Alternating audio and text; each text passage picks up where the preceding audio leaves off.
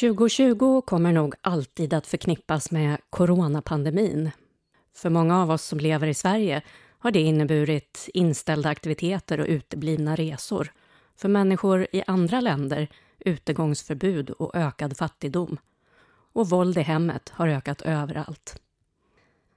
Men covid-19 har också påverkat världen och hur länder styrs. Fler än 70 val fick skjutas upp förra året till följd av pandemin. Välkommen till FBA-podden där vi idag ska prata om Sveriges stöd till val och demokratisering. Jag heter Katrin Jonsson och jobbar med kommunikation på FBA. Fredsarbete handlar inte bara om att begränsa konflikter utan även om att förebygga våld genom att skapa stabila samhällen som bygger på rättssäkerhet, respekt för mänskliga rättigheter och demokratiska val. Internationella valobservationsinsatser är en viktig del för att stärka grundförutsättningarna för det här arbetet. I Sverige är det FBA som ansvarar för att rekrytera, utbilda och sända ut valobservatörer. Och jag har med mig Stina Larserud som arbetar med det. Sverige har deltagit i internationella valobservationsinsatser sedan 1989. Varför gör vi det här Stina och hur fungerar det? Det enklaste svaret på den frågan om varför vi gör det är väl egentligen att val är viktiga och val är en mänsklig rättighet. Du sa ju också att valobservation är ett viktigt verktyg och jag håller med. Det är ett viktigt verktyg just för att se om länder lever upp till de åtaganden som de själva har gjort på det här området så att de på sikt då kan få en chans att utveckla de aspekter som behöver utvecklas vad gäller val och demokrati. Så det här valobservation är ett stöd just för att stärka länders demokratiska utveckling. Och hur fungerar det då? Ja, en insats börjar alltid med en inbjudan från landets regering. Och då skickas den inbjudan till valobservationsorganisationerna, till exempel eh, EU eller OSSE. Och då bestämmer organisationen själv om de vill och kan observera valet. Så de tittar bland annat på om man kommer att ha tillgång till hela landet och hela valprocessen och så. Och också om man tror att man faktiskt kan bidra med någonting med den här insatsen. Är det ett krav för att skicka en valobservationsinsats att man ska ha tillgång till hela processen? Ja, det är det. Mm.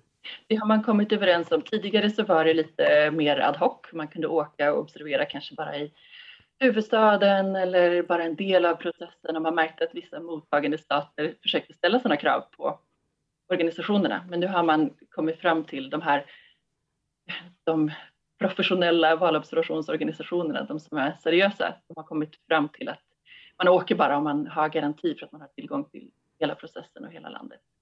Och om man då väljer att man faktiskt ska observera så gör man oftast det med en insatsledning som kallas för core team och då är det experter som tittar på den nationella nivån, alltså man tittar på vallagen till exempel eller Valmyndighetens arbete.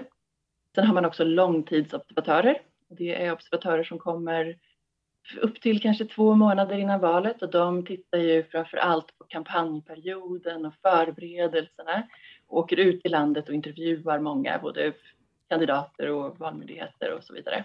Och sen så kommer korttidsobservatörer några dagar innan valet. Så de observerar själva valdagen och tittar på hur själva röstningen går till, om räkningen genomförs korrekt och så vidare. Sen efter valet så publicerar man en, en rapport med, med information från alla de här valobservatörerna och fokuserar just på hur väl landet har levt upp till de internationella åtaganden som man har. Och i rapporten kommer med rekommendationer om förbättringar till nästa val. Och den här rapporten, det är rekommendationer säger du, men det är inte en slags utvärdering av om det var ett demokratiskt val eller inte? Nej, det, det är framför allt inte ett godkännande eller ett underkännande av valet. Det är ganska många som missuppfattar det och säger att observatörer har godkänt eller observatörer har underkänt. Och så är det inte, utan det är mer en kvalitativ analys av valet. Så man tittar då på lever landets lagar upp till de här internationella åtagandena och lever själva genomförandet av valet upp till de här åtagandena. Och man kan alltid hitta någonting att påpeka och att titta om. Så att de här rekommendationerna är just som en hjälp för landet, framförallt för valmyndigheten och för lagstiftarna att göra förbättringar inför nästa val. Hur brukar det tas emot?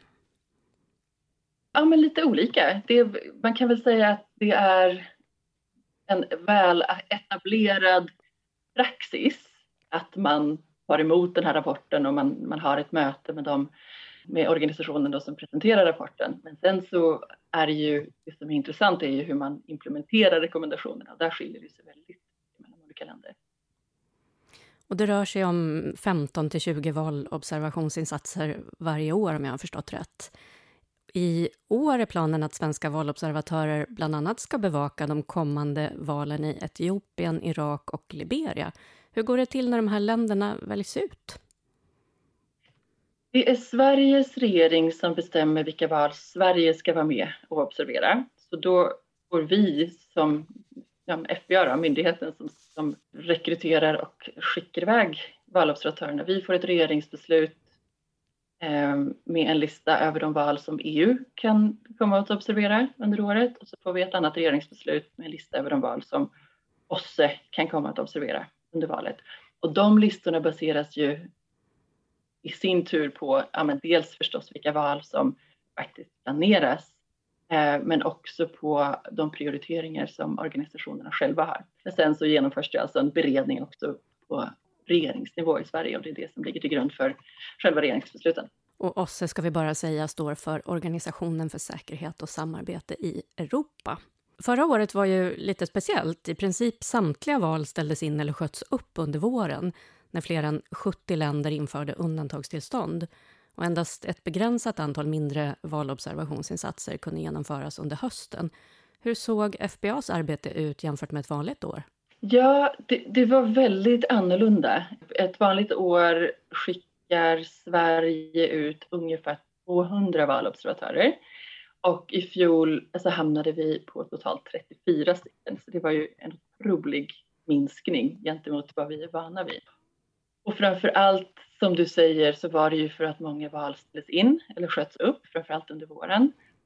Men också för att både EU och OSSE valde att observera de val som faktiskt genomfördes med väldigt små insatser. Så i vissa fall hade man bara ett par experter, alltså bara det jag nämnde tidigare, insatsledningen.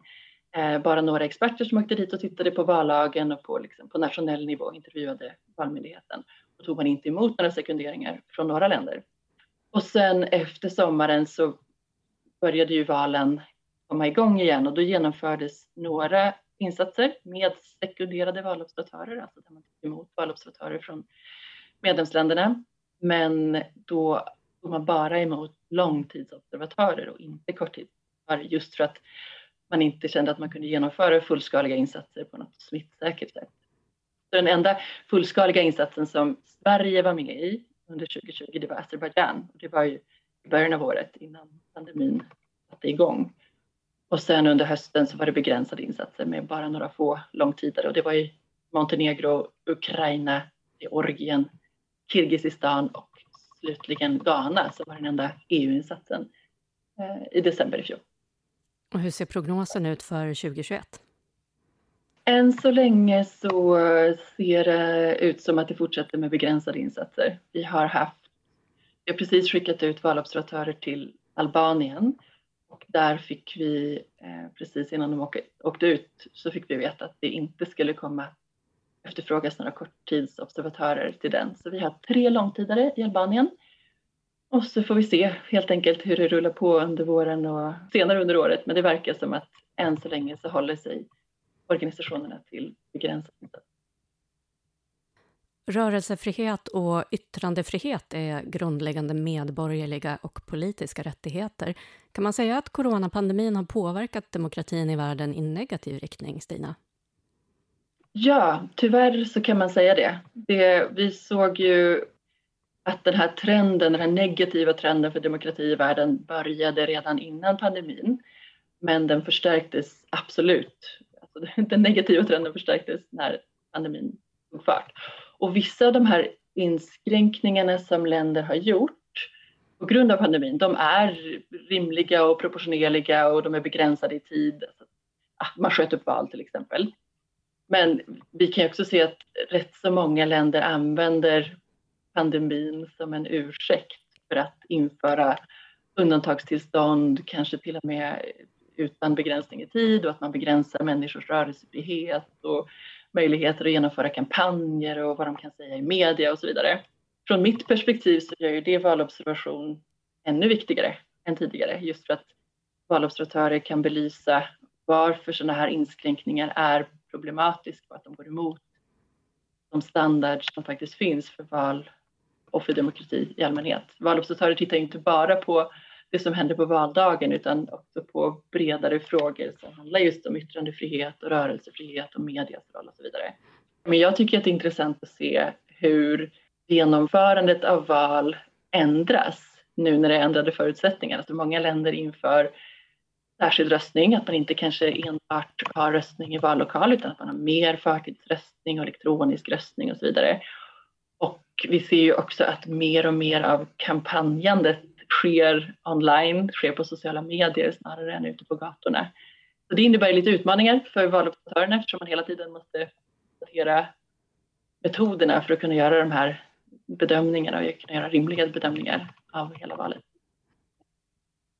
Vi har också med oss Rebecka Palmer som sedan 2017 ingår i FBAs resursbas med valobservatörer. Hur kommer det sig att du börjar med det här, Rebecka? Jag, jag har länge haft intresse för demokratifrågor och jag har jobbat i länder som Nepal och Kirgizistan med sådana frågor. Så när jag såg att FBA rekryterade då så ansökte jag direkt eh, för det, att kunna delta i en så samhällsviktig fråga och samtidigt resa till massa olika länder. Vilken ära och nöje och det har varit det roligaste jag har varit med om i yrkeslivet. Du har varit ute på ett tiotal uppdrag, både som korttidsobservatör och som långtidsobservatör. På vilket sätt skiljer sig arbetet åt mellan de här rollerna? Ja, som Stina var lite inne på, um, korttidsobservatörerna fokuserar mycket på valdagen och valnatten. Och då är det att kolla in i vallokalerna för att se om eh, vallagen följs, Eh, om det går som det är meningen att det ska. Eh, det kanske finns påtryckningar och politiska partier utanför som man får kolla runt omkring. Och räkningen och sammansättningen av resultaten och så. Eh, långtidsobservatörerna observerar också innan och efter valet. Så då är man på plats kanske för 5 till 12 veckor kring valet och vill ha mycket kontakt med valmyndigheten där. Uh, och då vill man se hur det fungerar på lokal nivå. För the core team som eh, Stina berättade om, de sitter i huvudstaden. Uh, och långtiderna och korttiderna åker ut till olika, över hela landet och kollar hur det är på lokal nivå. Som långtidare då har man också kontakt med polisen och politiska kandidater, journalister, eh, domare, eh, minoritetsgruppsledare för att förstå verkligen en helhetsbild hur valet fungerar eh, på lokal nivå. Och det roliga jag tycker då är att förstå hur det är meningen att valprocessen ska fungera och också hur det faktiskt fungerar. Det är då man kan ta fram goda rekommendationer för hur att eh, förbättra processen. Och man jobbar i team, visst är det så? Jo, det stämmer. Man har en internationell partner, en observatörspartner. Och så har man en person som jobbar som assistent och tolk och en chaufför. Och de två sista är alltid från landet som man jobbar i. Hur brukar du förbereda dig inför ett uppdrag? Ja, när jag får reda på att jag har fått en så googlar jag landet och börjar läsa nyheterna och börjar kolla geografi i olika städerna omkring landet Sen så får vi en eh, insatsförberedande utbildning av FBA. Och det är jätteviktigt för då får man börja få koll på politiska partierna, på historia, valhistoria, eh, valsystemet så som det fungerar, Eh, säkerhetssituationen i landet. Ehm, och det, då får vi också kontakt med UD och, ibland även ambassaden så det har funkat jättebra för att då när man landar i, i landet så kan man eh, börja med god kunskap redan. Du har fått skriva på en uppförandekod också. Vad handlar det om? Hur ska en valobservatör agera för att bete sig korrekt? Uppförandekoden har fokus på att valobservatörer ska bete sig på ett schysst sätt. Mer specifikt ska valobservatörerna inte diskriminera eller trakassera andra. Man får inte köpa sexuella tjänster och får heller inte inleda ett förhållande eller sexuell relation med en person som är i beroendeställning. Man får hålla sig ifrån alkohol och narkotika i tjänsten såsom korruption och organiserad brottslighet. Och så måste man hålla sig till insatsens mandat. Och man ska även ansvara för att minska miljöpåverkan. Och insatsens mandat, kan det skilja sig då mellan EU och OSSE? Eller? Det är lite olika hur eh, metoderna funkar mellan OSSE och EU. Men de är ganska lika. Mm. Ditt senaste uppdrag var i höstas i Georgien, mitt under coronapandemin. Hur var det? Det funkade fortfarande. Det var lite mer minskat, som Stina var inne på innan. Äh, det fanns inga korttidsobservatörer, så insatsen i sig själv var mycket mindre. Och då blev det mer fokus på det kvalitativa istället för det kvantitativa som man får när man har så många korttidsobservatörer.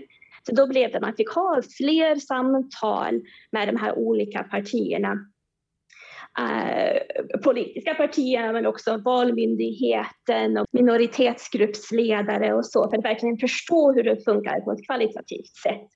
Det blev ju också att man fick munskydd och spray och fick ta fler samtal på telefon och digitalt. Men det funkade ändå och det är jätteviktigt att vi fortsätter med det här. Men var ni också ute på själva valdagen och kollade i lokalerna hur det funkar när folk röstar och så? Ja, det var vi. Och de som jobbade i vallokalerna såg ut som de kanske skulle börja i en operationsrum med kirurgi. De hade ju allt att täcka kläderna och ansiktet och uh, munskydd och det hela. Uh, men vi gick runt och vi försökte hålla avstånd och uh, fortfarande observera så mycket som vi kunde, men hålla oss säkra samtidigt. Som valobservatör ska man vara redo att åka på uppdrag med kort varsel och då är jag lite nyfiken på vad du gör i vanliga fall, Rebecka. Hur fungerar det att kombinera uppdraget som valobservatör med, med ett jobb hemma? Ja, de flesta observatörerna har heltidsjobb och tar ledigt för att kunna vara ute som valobservatör. Jag och några andra har satsat mer på valobservationer och åker ut flera gånger per år, ja, innan corona i alla fall. Och då har vi liksom fokuserat på det och gör små saker vid sidan om. Så det som jag gör vid sidan har varit att jobba med svenska val när vi hade det. Jag har pluggat eh, kriskommunikation och nu organiserar jag en konferens med Svenska intresseföreningen för valobservatörer i samarbete med svenska OSSE-parlamentariker och riksdagsledamöter Johan Buser och Margareta Cederfelt. Du har blivit lite av en valspecialist med andra ord. jag vet inte om jag skulle säga det. Och om någon som lyssnar nu tycker att eh, det här låter spännande och vill göra en insats för demokratin, vilken slags profil ska man ha för att vara aktuell för FBAs resursbas? Ja, men då ska man ja, framför allt vara just intresserad och vilja kunna, väl vilja observera val och vilja bidra till, till den här demokratiska utvecklingen i världen. Men har vi brist på spanska, franska eller portugisiska, så det behöver man kunna, något eller några av de språken. Sen måste man vara svensk medborgare och det, det, anledningen där är ju att regeringen har gett oss i uppdrag att sekundera svenska medborgare. Och så vill vi att man har ett par års arbetslivserfarenhet och någon typ av internationell erfarenhet och att man kan svenska och engelska också. Och sen så finns det eh, meriterande kvalifikationer. Alltså har man jobbat med val till exempel, om man kan ryska eller andra relevanta språk och om man redan nu vet att man är tillgänglig för just långtidsuppdrag så tycker vi att det är extra bra. Men det är alltså inga absoluta krav eh, just nu. Ni rekryterar inte nya valobservatörer särskilt ofta, men om man skulle ha turen att bli antagen, vad händer då? Ja, har man turen då, och man tar, tar sig igenom det här nålsögat med alla urval och tester och så, då eh, sker det en registerkontroll när man erbjuds plats och sen så får man gå en, det vi kallar för grundutbildning, alltså en utbildning i hantverket valobservation. som är en kurs på en vecka där man tittar på allt ifrån hur valobservation länkar till internationella åtaganden, alltså mänskliga rättigheter och, och standards för val. Och man får chans att öva på att observera eh, och diskutera uppförandekoder och säkerhet och teamarbete och allt möjligt. Det finns andra utbildningar också som vi erbjuder. Till exempel så har FBA en utbildning som heter Säkerhet i fält som vi rekommenderar att man går om man har tänkt sig att man ska observera i länder med lite mer säkerhetsutmaningar helt enkelt. Men det är inget krav att man. Och sen så blir man då registrerad i, våran, i vår databas, det vi kallar för valresursbasen. Och när man är med i den så får man automatiskt eh, inbjudningar till de uppdrag som blir aktuella. Alltså när vi får en inbjudan för, från organisationen som ska genomföra valobservationen så skickar vi ut en annons till valresursbasen och då söker man de uppdrag som man är intresserad av och tillgänglig för. Och om man blir mm, utvald då och nominerad från vårt håll, då får man, det är lite olika beroende på vilken insats det är, men eh, ibland så är det en hälsokontroll som man får göra. Eh, ibland behöver man skicka in lite kompletterande uppgifter och sådär.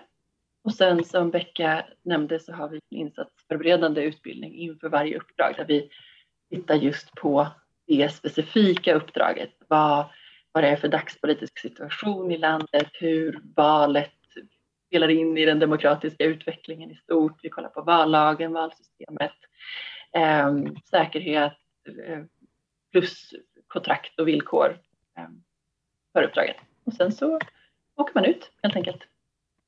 Så går det till alltså. Och jag har en sista fråga till dig, Rebecka. Vilket är det roligaste, minnesvärda uppdraget du har varit på som valobservatör? Det måste vara Nigeria. Jag fick vara ute i nordöstra Nigeria i tre månader. Och det är ju ett sånt ställe som man kommer nog inte ta sig till annars, men det var så vackert. Och de som vi jobbade med, Valmyndigheten, var så trevliga och ville engagera sig och folket var väldigt vill också engagera sig väldigt mycket. Så det var vackert, roligt, spännande och det var alltihopa som jag tycker är roligt med att vara valobservatör. Och vilket år var det här? 2019, två ah. år sedan. Ah. Kul! Tack så mycket Stina Larserud och Rebecka Palmer för att ni var med och berättade om Sveriges stöd till genomförandet av fria, rättvisa och transparenta val i världen. Nu tror jag att många är ännu mer nyfikna på uppdraget som valobservatör. Och tack till dig som lyssnat. Vill du veta mer om vårt arbete för fred, säkerhet och utveckling? Spana in vår webbplats fba.se och följ oss i sociala medier.